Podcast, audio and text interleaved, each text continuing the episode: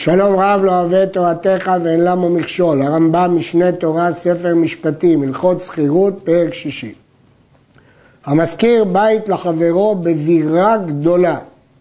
מה זו בירה גדולה? מסביר רבנו גרשום, כעין מגדל גדול ובונים בתוכה בתים הרבה סביבותיה ויש סביבותיה חצר וגינות ופרדסים.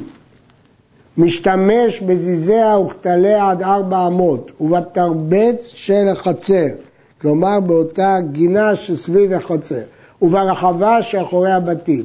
ומקום שנהגו להשתמש בעובי הכתלים, משתמש בעובי הכתלים. הרמב"ם אומר משתמש, אבל הוא אומר מי, האם המשכיר או הסוחר. המאירי אומר, יש מי שמסב דין זה על הסוחר, ויש מי שמסב אותו על המשכיר. גם ברמב"ם זה לא ברור. נראה יותר בלשון הרמב"ם שהסוחר יכול להשתמש. וכל אלו הדברים הולכים אחר מנהג המדינה והשמות הידועים להם. זה משתנה ממקום למקום, מזמן לזמן, לפי מה שמקובל במדינה. כדרך שאמרנו בעניין מקח וממכר, מה כולל בית, מה כולל מגדל, זה משתנה ממקום למקום. והמזכיר חצרו סתם לא הזכיר הרפת שבה. כי רפת יש לה שם בפני עצמו וחשיבות בפני עצמה והיא לא כלולה בשם של הבית. המשכיר בית לחברו חייב להעמיד לו דלתות ולפתוח לו החלונות שנתקלקלו, זה חלק מהבית, זה חובת המשכיר. ולחזק את התקרה ולסמוך את הקורה שנשברה ולעשות נגר למנעול, יתד שנועלים בו את הדלת וכן כל כיוצא באלה מדברים שהם מעשה אומן והם עיקר גדול בישיבת הבתים והחצרות. כל הדברים המקצועיים, היסודיים של הבית, זה חובה על המשכיר. הסוחר חייב לעשות מעקה, למרות שלמעקה יש חשיבות בצורכי הבית, אבל הוא לא מעשה אומן. הוא מזוזה, הגמרא אומרת מזוזה חובת הדר, זה דין בדר לעשות מזוזה. ולתקן מקום המזוזה משלו. וכן אם רצה לעשות סולם או מרזב או להטיח גגו, הרי זה עושה משל עצמו. זה לא חיוב, זה לא מצווה, זה לא חלק מהבית, הוא רוצה דברים נוספים, יעשה את זה על חשבונו. המזכיר עלייה לחברו ונפחתה בארבעה או יותר, היא אה, התקלקלה בארבעה טפחים או יותר, חייב לתקן התקרה והמעזבה שעליה.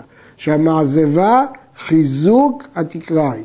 זה דעת חכמים, שלמרות שהמעזיבה היא מעל התקרה, היא חלק בלתי נפרד מהתקרה והיא מוטלת על בעל הבית. רבי יוסי סובר לא, שהתקרה חובה על בעל הבית, אבל המעזיבה היא רק לאיפוי, ליישר את התקרה, וחובתה על בעל העלייה. ולרמב"ם פסק לחכמים שהמעזיבה היא חלק מהבית. הזבל שבחצר, הרי הוא של הסוחר, לפיכך הוא מטפל בו והוציאו. ואם היה שם מנהג, הולכים אחר המנהג. במה דברים אמורים? שהיו הבהמות שעזרו הזבל של הסוחר, אז הזבל שייך לו.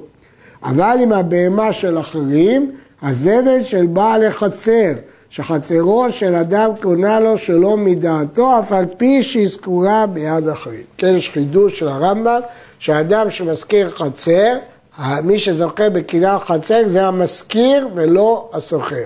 כי קניין חצר שייך לבעלים. הרייבד מקשה, הרי שכירות זה קניין לכל דבר כפי שנראה בפרק הבא, ואם כן, מדוע שהסוחר לא יקנה בקניין חצר?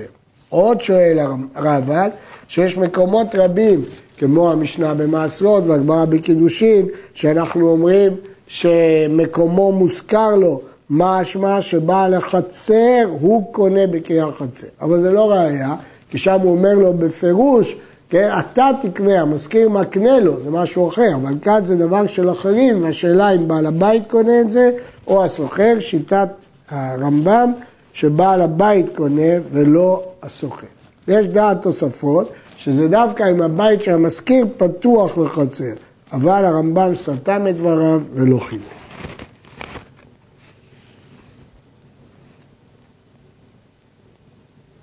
המשכיר בית או חצר, או מרחץ, או חנות, או שאר המקומות, עד זמן קצוב, הרי זה כופהו לצאת בסוף זמנו, ואינו ממתין לו אפילו שעה אחת.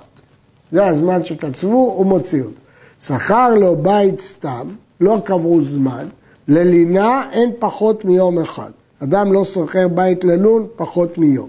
לשביתה אין פחות משני ימים. אם הוא אמר שהוא רוצה לשבות פה זה יומיים. לנישואין אין פחות משלושים יום. המשכיר בית לחברו סתם, לתקופה ארוכה, אבל לא קבעו קצבה.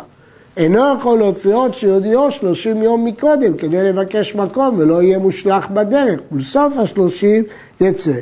הוא צריך לתת לו התראה מוקדמת של שלושים יום, ורק בסוף השלושים יוציא אותו. במה דברים אמורים? בימות החמה, אבל בימות הגשמים אינו יכול להוציאו מן החג עד הפסח. מסוכות עד פסח הוא לא יכול להוציאו, כי לא מצויים אה, בתים בימות הגשמים והוא לא יכול להוציא אותו. קבע לו שלושים יום לפני החג, אם נשאר מן השלושים יום אפילו יום אחד אחר החג, אינו יכול להוציאו עד מוצאי הפסח, והוא שיודיעו שלושים יום קודם. צריך שני תנאים. א', הוא לא יכול להוציא אותו עד הפסח כי הוא לא ישיג דירה, וגם אז הוא צריך להודיע שלושים יום מראש. במה דברים אמורים? בעיירות. אבל בקרקים, אחד ימות החמה ואחד ימות הגשמים צריך להודיעו 12 חודש מקודם, כי קשה להשיג שם דירות. וכן בחנות, בין בקרקים, בין בארץ צריך להודיעו 12 חודש מקודם, כי קשה להשיג חנויות. כשם שהמשכיר חייב להודיעו, צריך לתת לו התראה, כך הסוחר חייב להודיעו, אם הוא רוצה לעזוב. מקודם 30 יום בעיירות, או מקודם 30 יום בקרקים, כדי שיבקש שכן, לא יישאר ביתו פנוי שהמשכיר ימצא מישהו אחר להכניס שם. ואם לא הודיעו, למרות שהוא שכר סתם, בלי קצרה, אינו יכול לצאת, אלא ייתן השכר. אף על פי שאין המשכיר יכול להוציאו, ולא הסוחר יכול לצאת עד שיודיעו מקודם, אם הוכרו הבתים, הבתים התייקרו, יש למשכיר להוסיף עליו, הוא לא יכול להוציא אותו, הוא יכול להגיד לו תשלם יותר, ולומר לסוחר או סחור בשווה עד שתמצא או תצא. כיוון שהבתים הוכרו, אני לא מוציא אותך, אבל תשלם לי את המחיר של היום. וכן אם הוזלו הבתים, יש לסוחר לפחות מן השכר, ולומר למזכיר, או סחור לי כשער שלמתה, או הרי ביתך לפניך, אני לא מכריח אותך להמשיך להזכיר לי, אבל אתה לא יכול להכריח אותי לשלם יותר משווי השוק. נפל בית, בית המשכיר שהיה דר בו, ועכשיו הוא רוצה לקחת את הבית של הסוחר, כשהוא הזכיר לו סתם, לא זמן קצור. הרי זה יש לו להוציא הסוחר מביתו, ואומר לו, אינו בדין שתהיה אתה יושב בביתי עד שאמצא מקום ואני מושלך בדרך, שאין אתה בעל זכות בבית זה יותר ממני. הרי לא קבעו זמן קצור. כל הסיבה שלא הרשינו להוציא אותו בלי התראה מוקדמת, כי חסנו עליו שלא יהיה מושלך בדרך, אבל זכותו של בעל הבית היא יותר גדולה מזכותו של הסוחר. נתן הבית לבנו לישא בו אישה. אם היה יודע שבנו נעשה חתן בזמן פלוני, והיה אפשר לו להודיעו מקודם, ולא הודיעו, לא יכול להוציאו, למה לא הודעת לו? ואם עכשיו נזדמנה לו אישה, והרי זה נושא מיד, הרי זה יש לו להוציאו.